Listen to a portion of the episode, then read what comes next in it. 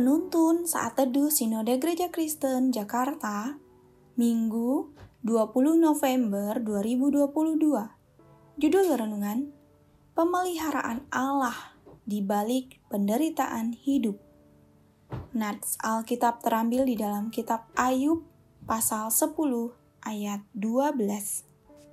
Hidup dan kasih setia kau karuniakan kepadaku dan pemeliharaanmu menjaga nyawaku. Kepada Allah aku berharap, baik di gunung atau di lautan, di topan gelapku di dekat Bapa Surgawi terus menjagaku.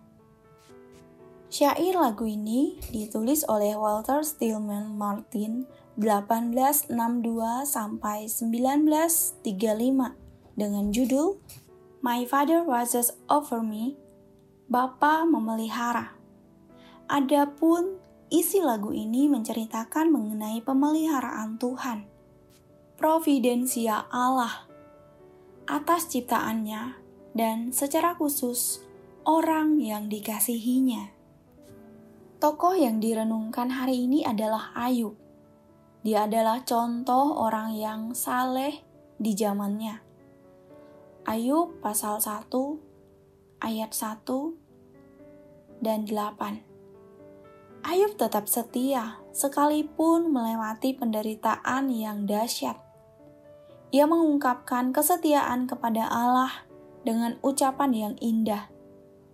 Hidup dan kasih setia kau karuniakan kepadaku, dan pemeliharaanmu menjaga nyawaku suatu pernyataan sikap iman yang luar biasa.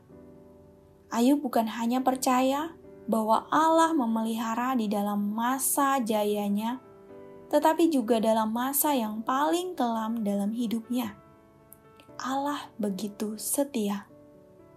Ayub yakin jika Allah memeliharanya bukan karena hasil kesetiaannya, melainkan karena kesetiaan Allah. Pergulatan hidup akan terus kita jalani di tengah keadaan yang tidak ideal ini. Kendati pandemi belum jelas ujungnya, akan tetapi kita patut bersyukur di tengah ketidakmengertian kita.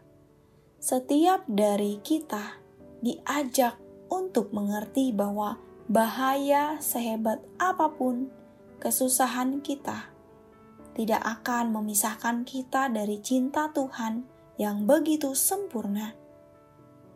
Mungkin ada sebagian orang yang bertanya, "Mengapa Tuhan izinkan orang yang saleh dan murni hatinya tetap mengalami kehilangan orang-orang yang dicintai?" Perjalanan spiritual hidup Ayub mengajak kita merenung sejenak bahwa bagaimanapun salehnya seseorang, ia tetap dapat mengalami pergulatan hidup yang tak mudah. Ada kegetiran, kekecewaan, dan putus asa. Namun, sikap Ayub sangat mengukuhkan pernyataan bahwa Allah, Sang Pemelihara, tidak akan meninggalkan anak-anaknya. Sikap seperti Ayub inilah yang harus kita pegang dan teladani dalam menjalani kehidupan yang tidak pasti ini.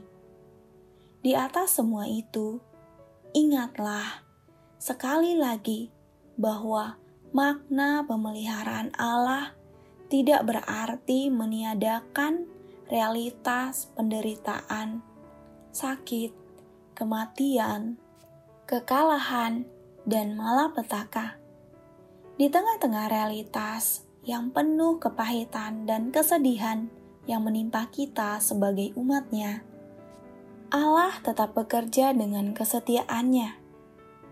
Allah menjaga kita seperti biji matanya. Allah, Sang Pemelihara, berkuasa atas hidup kita. Ia tetap pegang kendali. Amin. Terima kasih, Tuhan Yesus memberkati.